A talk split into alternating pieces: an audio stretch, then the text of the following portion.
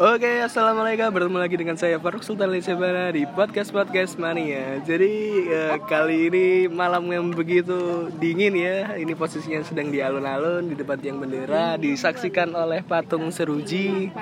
Eh, kita sudah ada bersama narasumber kita yang tentunya sangat funny, funny, funny.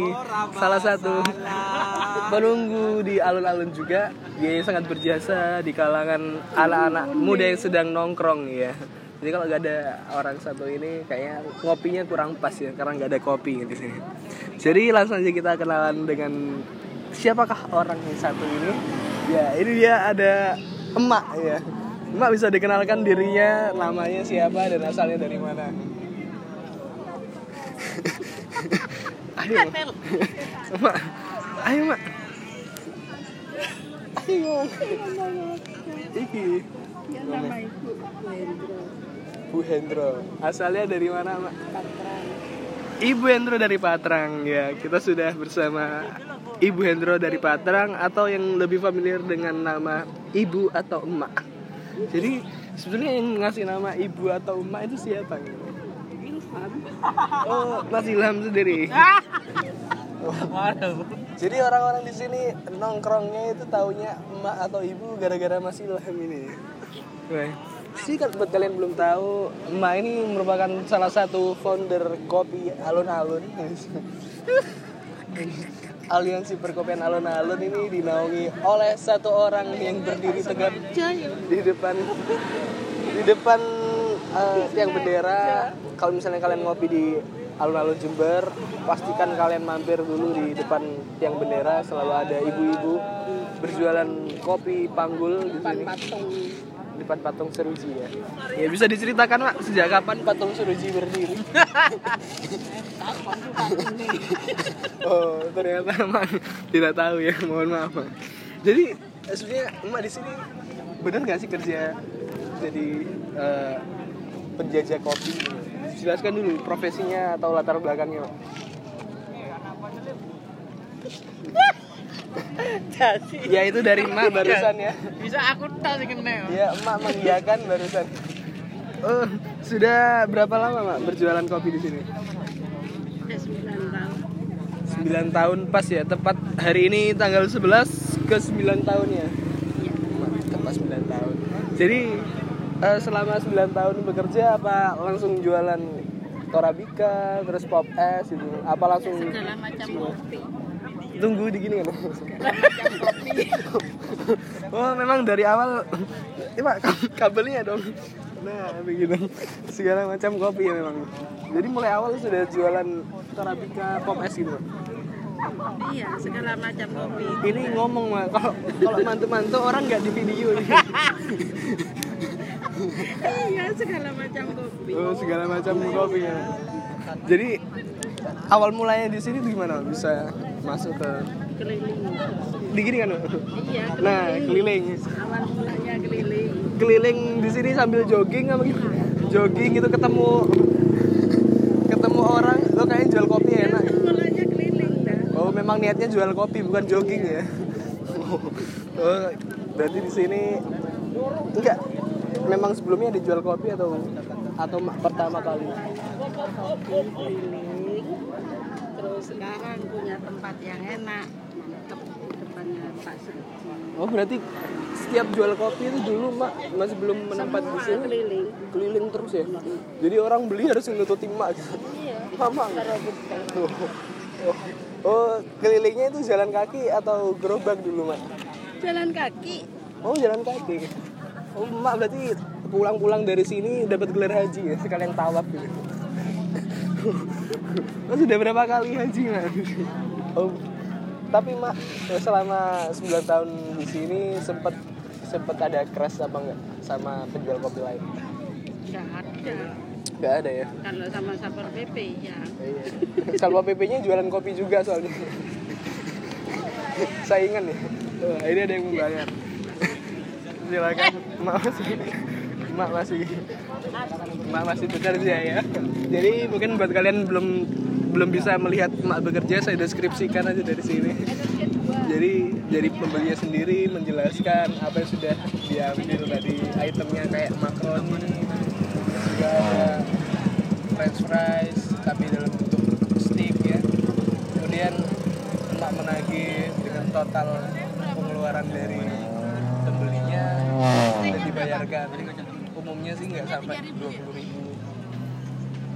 Kisaran 10 sampai 15 tiap kali sekelompok pemuda pemudi nongkrong. Jadi bisa dibayangkan tiap malamnya sekitar 50 kelompok. di Iya. jadi selain bertemu dengan mak di sini kita juga menyumpai orang yang tadi sempat disebut-sebut oleh mak yang menemukan gelar emak atau ibu. Ya tadi. Ini namanya Mas Ilham ya. Penggemar setia kopi emak di sini. Sudah sekitar beberapa tahun ya. Makanya kita cari tahu lebih lanjut. Ya silahkan Mas Ilham diperkenalkan di sini ya.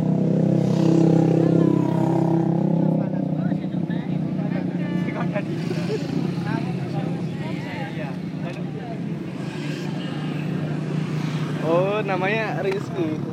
Oh, Ilham Rizky ya namanya. Jadi Mas Ilham Rizky ini salah satu founder dari kopi emak. ini. karena, karena dia pembeli pertama kalau nggak salah waktu emak, emak jualan kopi keliling di sini. Jadi sempat diceritakan anu dulu mas. Maksudnya sempat diceritakan eh, mau diceritakan lah mengenai latar belakang emak sendiri dan sejauh apa anda mengenal emak ini. Saya itu melihat. Pegang. Anjir. saya itu melihat emak sendirian gitu. Saya kira dia kan di sampingnya tuh ada kopi-kopi. Saya tanya kan apa itu? Dia jawab delok ta matane kopi iki katanya Emosi ya. emosi Emosi. saya kan saya tanya bu ini bukannya pulangkan apa dijual lagi sama dia Dia headset? Pakai headset. Pakai headset. pakai headset mungkin ya Pakai headset. gitu saya inisiatif kan kayaknya orang ini jaga ya. Ada mobilnya tapi kok nggak jelas.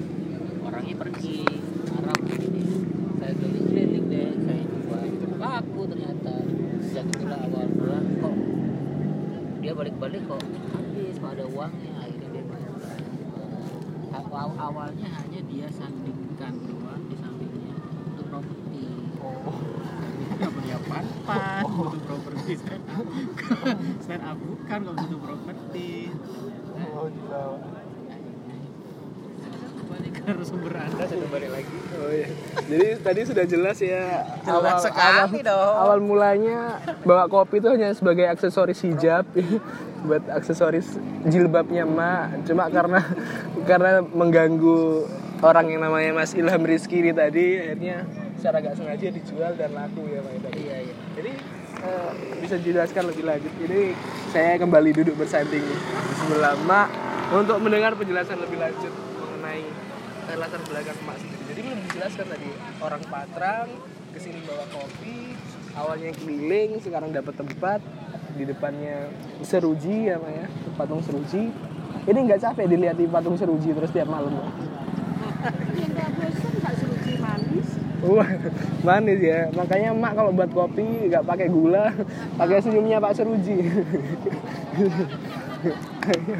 Aduh ini emak ini ber- berbasis kekerasan ini. Saya dipukuli. Iya mak. Jadi dijelaskan dulu. Kekerasan merindukan itu. Waduh, kekerasan merindukan. Eh, mak dijelas, dijelaskan dulu mak. Eh, dari Patrang ke sini jual kopi ini gimana awal mulanya? Ya kan? Dari Patrang kenapa kok milih jualan di sini? Di Patrang nggak ada alun-alun apa gimana? Ya, ini kembali lagi ada customer yang sedang membayar. Jadi mohon maaf wawancara kita memang sangat eksklusif ya. Mak di sini sangat sibuk. tidak, tidak dapat melayani wawancara dengan hikmat ya memang emak di sini person yang sangat penting ya karena orang-orang semua bertumpunya pada emak untuk pembayaran gak mungkin dong beli kopi di sini bayarnya di Indomaret kan gak mungkin ya jadi oleh karena itu teman-teman eh, kita kembali lagi bersama emak di sini sudah sudah selesai menandingi orangnya. Eh, sedang menghitung.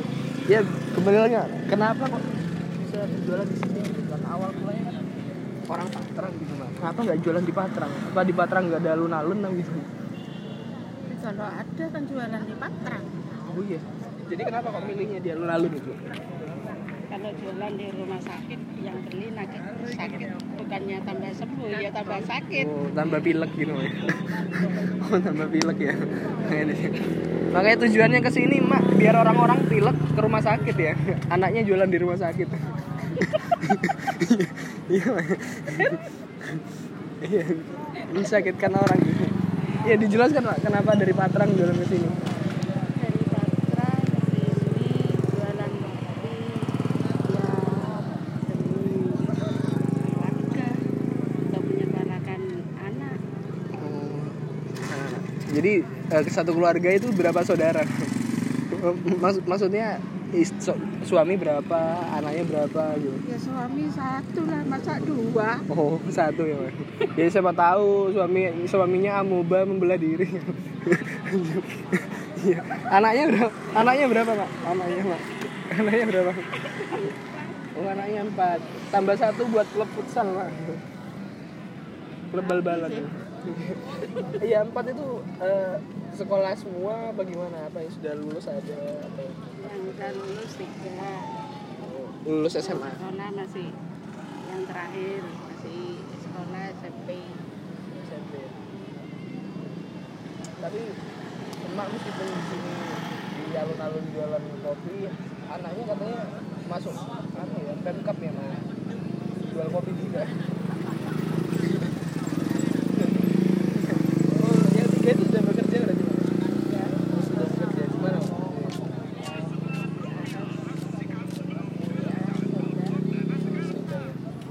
Tiga-tiganya.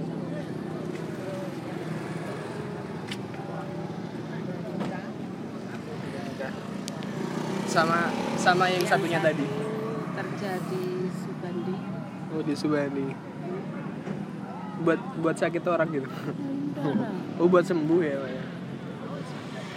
Jadi oh ilustrasi Oke. jadi eh, kenapa dari Patrang ke sini ternyata memang tuntutan ekonomi ya Untuk ekonomi jual. Eh, kalau suami mak sendiri kerjanya apa? Ya, belum tahu mak Kan bangunan. Tukang bangun kopi juga tukang bangun gerobak-gerobak di sini Itu kan batu saya. oh tukang bangun-bangun gitu ya Oh. akhirnya emak cari selingan gitu ya Iya. cari Demi anak yang sekolah semua. tapi tapi pendapatannya tiap malamnya itu berapa mak dari sini Ya, lumayan. bisa buat bangun rumah setiap hari ya alhamdulillah Kak, sekolahnya sampai S S berapa rencananya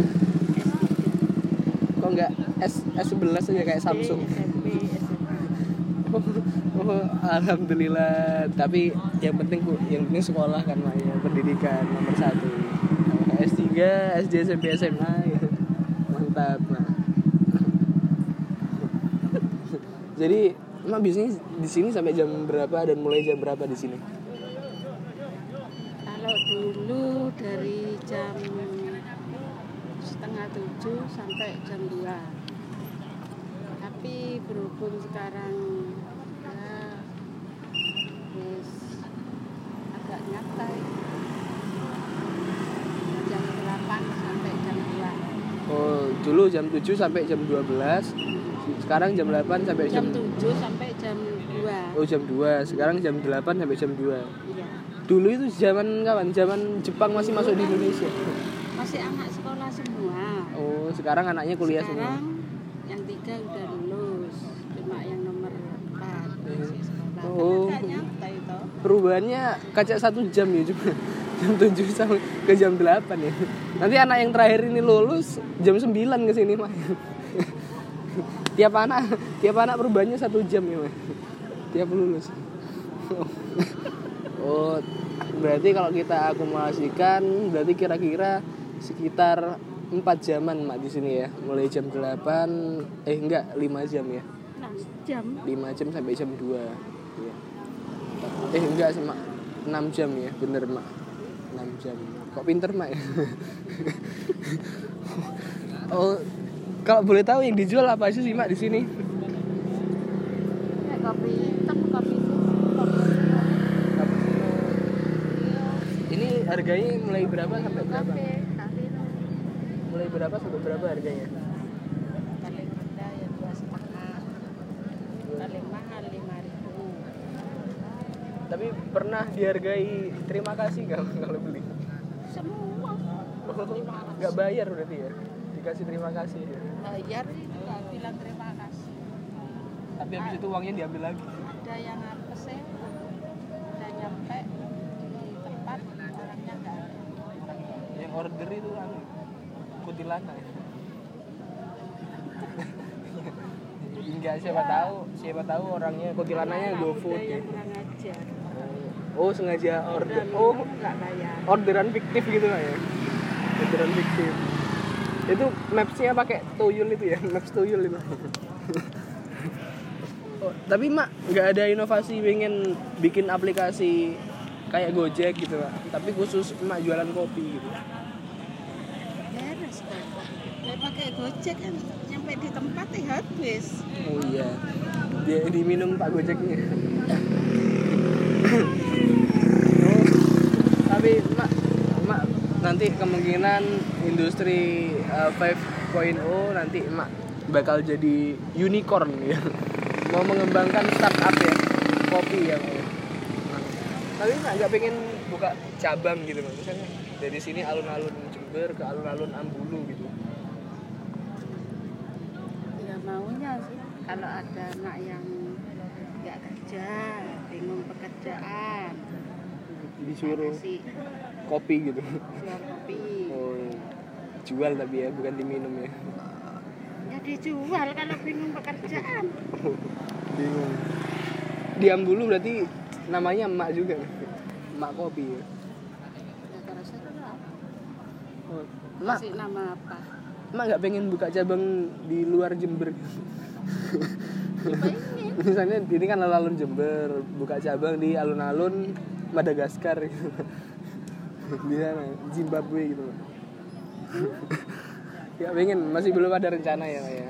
Tapi Ya ada rencana kalau Oh. ada yang mau bekerja Oh. jualan kopi kayak ibu yang penting halal toh. Iya, yang penting ada- buat kalian yang baru lulus mungkin bingung pekerjaan ya pokok kan. yang nggak kerja sama sekali terus mau jualan nggak ada modal Hmm. Nanti dimodali makaroni satu ya. dimodali makaroni satu. Enggak lah kopi Oh. kalau ada kopi juga Oh, jadi anaknya tinggal sama jualan gitu. termos termos ya. Terus termosnya dijual, ya. Kopinya yang diminum. Iya. udah nggak jadi Oh, nggak jadi ya, ya. Jadi rencananya mah ingin mengembangkan, ingin expand, expand usaha. Jadi kalau ada kalian yang keluar kota, keluar Jember, pengen, aduh, aku nampaknya tidak ada pekerjaan. Aku ingin kunjungi Jember, melihat tempat antrian berbeda, kemudian emak, langsung aja daftar, emak buka open recruitment, pengembangan usaha kopi Panggul ini ya, tapi untuk cabang luar kota. Ya, jadi eh, kita kembali lagi ke awal mula ditemukan namanya emak tadi gara-gara nggak sengaja keliling ya ya. Ketemu satu orang namanya Mas Ilham Rizky tadi. Kemudian kalau misalnya langganan di sini ada nggak sih mak langganan yang sampai kayak Mas Ilham Rizky gitu? Yang sampai ngasih nama emak gitu? atau emak dikasih nama lain misalnya ada. misalnya pelanggan dari SMA sampai Arnoldi Iya, gitu. sampai rumah tangga. Gimana gimana berangkat dari sekolah sampai rumah tangga. Iya. Mulai dari sekolah ya? Sekolah SMP sampai rumah tangga. Anehnya lahir dari kopi ya? Gara-gara minum kopi. Enggak. Wah ini tetap rumah tangga tapi kopi tetap di emak gitu jadi emak ini selain menemukan teman saat ngopi menemukan jodoh juga ya Ya. emak ini adalah sebuah media bisa juga Berapa? curhat. 12. Wah, ini ada yang berbaik hati banyak orang yang berbaik hati kepada emak gak mau diberi susu gitu Udah, makasih ya. tapi emak pakai strategi itu juga ya kayak kayak toko-toko ya kalau toko-toko kan misalnya susunya receh gak ada dikasih permen emak dikasih makaroni barusan Iya. Iya, biar semua. Ini strateginya jadi nanti nggak kaget kalau misalnya ada orang pengen beli kopi ke emak bayarnya pakai makaroni dibayar makaroni balik Iya teman-teman kembali lagi kita di sesi kedua. Iya kali ini kita akan membahas topik yang berbeda dengan emak karena kita sudah menyentuh lumayan pagi di pukul 00.03. Ya jadi di menit ketiga ini kita bakal membahas mengenai iya 00.03 sekarang. Ini lagi. Iya, ini sesi kedua. Sesi kedua. Jadi selama mak di ini kan mak kan nongkrong nih bukan nongkrong. Eh, menempatnya kan di, di sebelah parkiran mak ya. Selama mak jualan kopi di sebelah parkiran ini motor apa yang jadi favorit mak? Motor apa mak yang jadi favorit mak? Selama- Oh, fiction ya. Motor fiction. Jadi selama mak di sini paling seneng motor fiction. Kenapa mak? Soalnya pelanggannya itu fiction semua. Oh fiction. Jadi komunitas fiction gitu berarti. Katanya syarat kalau mau beli kopi harus pakai STNK ya. STNK fiction ya. Kalau nggak fiction nggak boleh beli di sini. Ah, ya enggak. Oh, oh terbuka. Bebas. Tapi tapi yang favorit tetap fiction maksudnya. Oh nggak ada ketentuan harus bawa STNK fiction ya. Tapi kalau masalah eh, misalnya orang ke sini bawa motor atau bawa mobil, mak kasih harga yang beda nggak? Kalau misalnya ada yang kelihatan oh kayaknya orang kaya gitu, agak dimahalin. Mobil, sepeda, hotel. Sama aja harganya.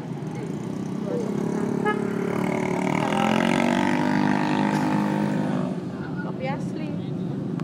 Ya, dari Oh, itu itu aslinya masih dari biji ya. Masih digeprek dulu ya kopinya. Tapi emak ini hebatnya nggak membeda-bedakan eh, cost customer ya. Maksudnya kalau ada customer yang datangnya ke sini kelihatannya wah kelihatan oh orang ini kaya tapi emak tetap menyamakan. Emak ini menganut asas konkordasi ya. Jadi menyamakan eh, menyamaratakan. Nggak ada membeda-bedakan, nggak ada diskriminasi atau diservis diversity gitu.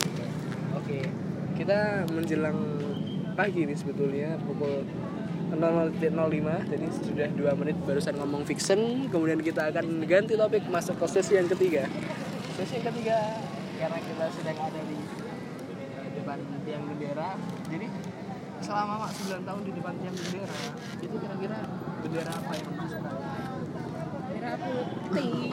Oh, oh pernah ganti ya. Saya kira karena emak bosen diganti gitu. Enggak tadi ya. Mantap nasionalis gitu. Sangar Pak ya. Tetap bertahan 9 tahun. Kenapa tempatnya Pak di sini gitu? Tempat yang nyaman di depan tiang bendera dan disaksikan oleh patung seruji.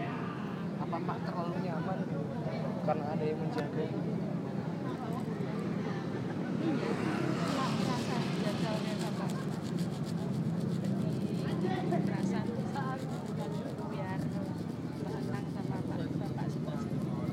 Dulu berarti sempat ada kenangan, Mak. Oh, tapi masa pembangunan patung ini Mak sudah jualan di sini belum, ibu kan masih sekolah. Patung ini dibangun. Oh, jadi jadi patung ini dibangun saat eh, emak masih sekolah ya. Maksudnya masih jualan kopi di sekolah. Oh enggak ya.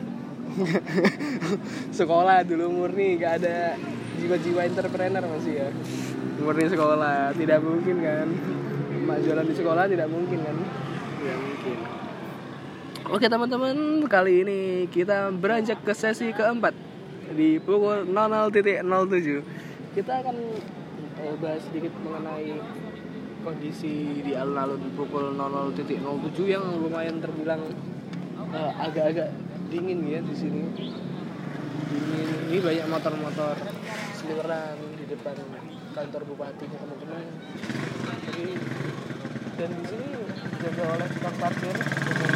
Tapi kita tiap satunya kalau misalnya tukang parkir kan lumayan jauh rentangnya ya. Dari ujung depan BTN itu sampai ujung depan Telkomsel kantor berapa hari itu biasanya kalau sudah menginjak pukul 00 ke atas itu biasanya tukang parkirnya cuma tinggal dua. Jadi kalau misalnya di ujung BTN kalian motornya ada di ujung Grapari orangnya masih estafet ya.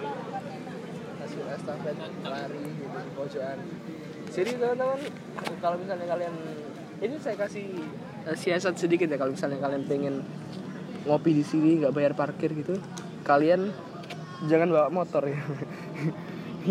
Biar nggak bayar parkir jangan bawa motor ya di sini. Jalan kaki aja ya.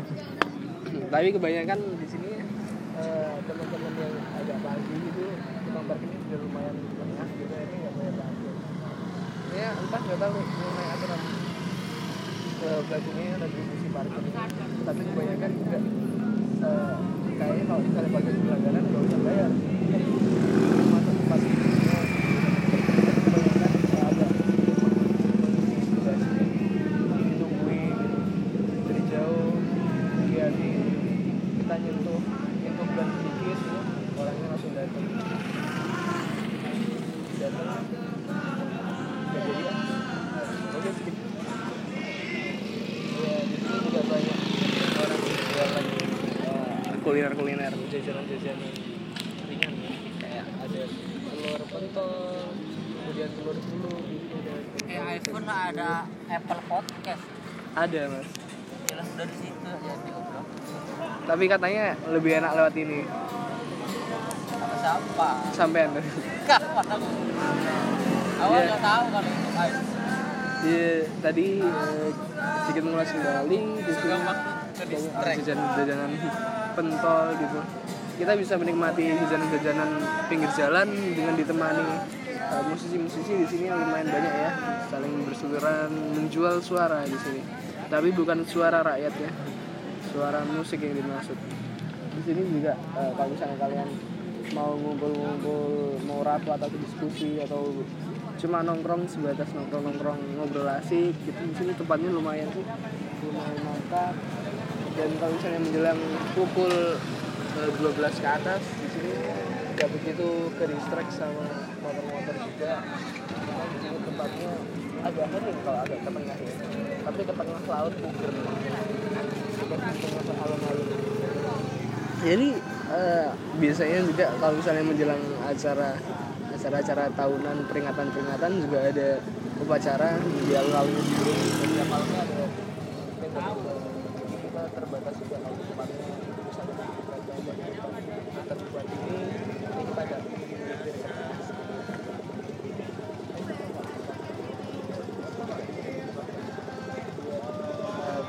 komunitas gitu. Jadi komunitas-komunitas latihan ada biasanya komunitas yang bawa pecut-pecut juga ada komunitas yang eh, kita di sini juga sering kelihatan komunitas stand up gitu. Lagi kumpul-kumpul terus ada hiburan-hiburan mahasiswa organisasi-organisasi mahasiswa gitu saling diskusi gitu di sini. Juga banyak yang ngejam ngejam gitu, gitar-gitaran ngobrol asik. Dan meskipun pukul pukul 12 lebih 11 itu masih terbilang lumayan ramai sih. Tapi nggak begitu ramai-ramai seramai. CFD ya.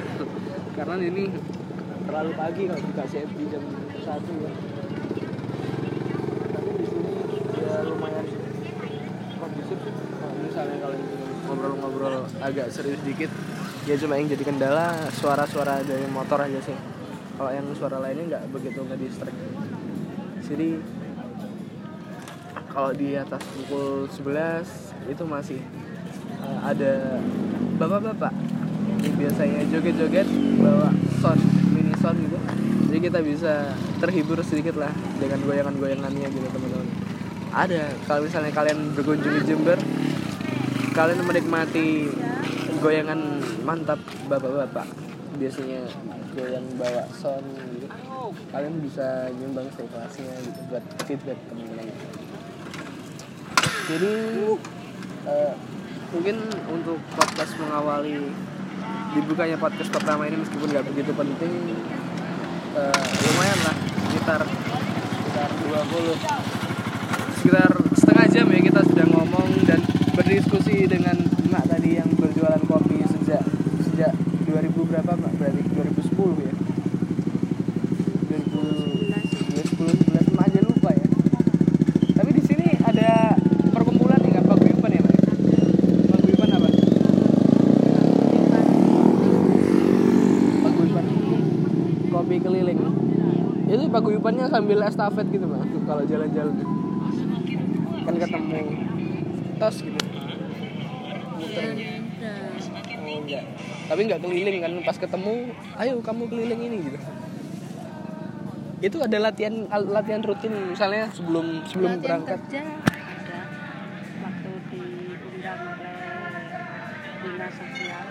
latihannya jogging ya mak ya? Latihan kerja Oh. jualan kopi. Oh maksudnya kan katanya kopi Bikin keliling. kopi yang baik. Katanya kopi bikin keliling. kopi yang enak. Airnya harus mateng. Gelasnya harus bersih Oke, baru. Jadi- jadi untuk mengakhiri uh, podcast kali ini nampaknya ada sesuatu yang sangat mengasihkan di sini teman-teman jadi cukup kita akhiri podcast kali ini. Oh nampaknya bukan ya? Bukan ya sih oh, bukan ada tidak ada apa-apa ternyata.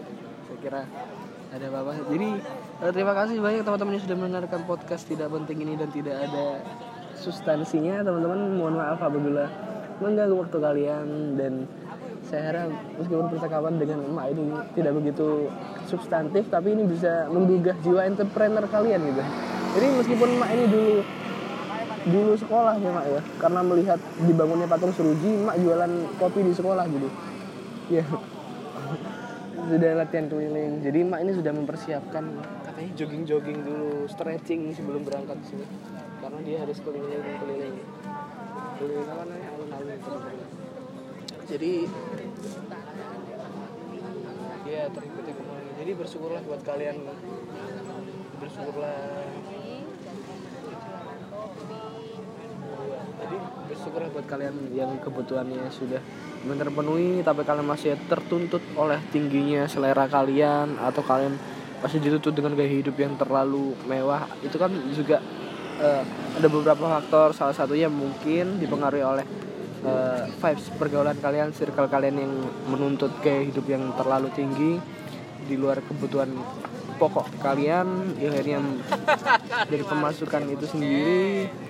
Eh, kalian akhirnya terbebani merasa terbebani. Sebenarnya hidup adalah kenikmatan teman-teman. Jadi kita gimana caranya mencapai sebuah kebahagiaan melalui cara-cara yang kita syukuri upaya-upaya sifat-sifat yang kita upayakan dan kita eh, bersyukur akan hasil dari itu semua. Jadi teman-teman sekali lagi terima kasih kami ucapkan eh, saya ucapkan maksudnya karena ini podcastnya berupa podcast individu terima kasih telah mau mendengarkan podcast tidak penting ini dan sampai jumpa di podcast podcast tidak penting selanjutnya. Jadi mungkin ke depannya narasumber narasumber yang random akan akan diundang ya lewat podcast ini supaya bisa bisa wawancara lebih intensif. Ya kalau ini mungkin wawancaranya belum terlalu intensif karena emak sedang berjualan. Mungkin lain waktu kita eh, sedikit wawancara lebih eksklusif dengan emak. Ya sekiranya emak terlalu fokus gitu sangat fokus gitu teman-teman. Tidak tidak terdistrak oleh customernya. Mungkin ketika emak sedang tidur. Iya sambil ngomong jadi terima kasih banyak buat teman-teman. Eh, semoga kalian tetap semangat menjalani aktivitas kalian dan jangan pernah lupa untuk selalu bersyukur dalam setiap langkah yang kalian lakukan. Oke teman-teman Terima kasih banyak. Assalamualaikum warahmatullahi wabarakatuh. Mantap mania. Uh.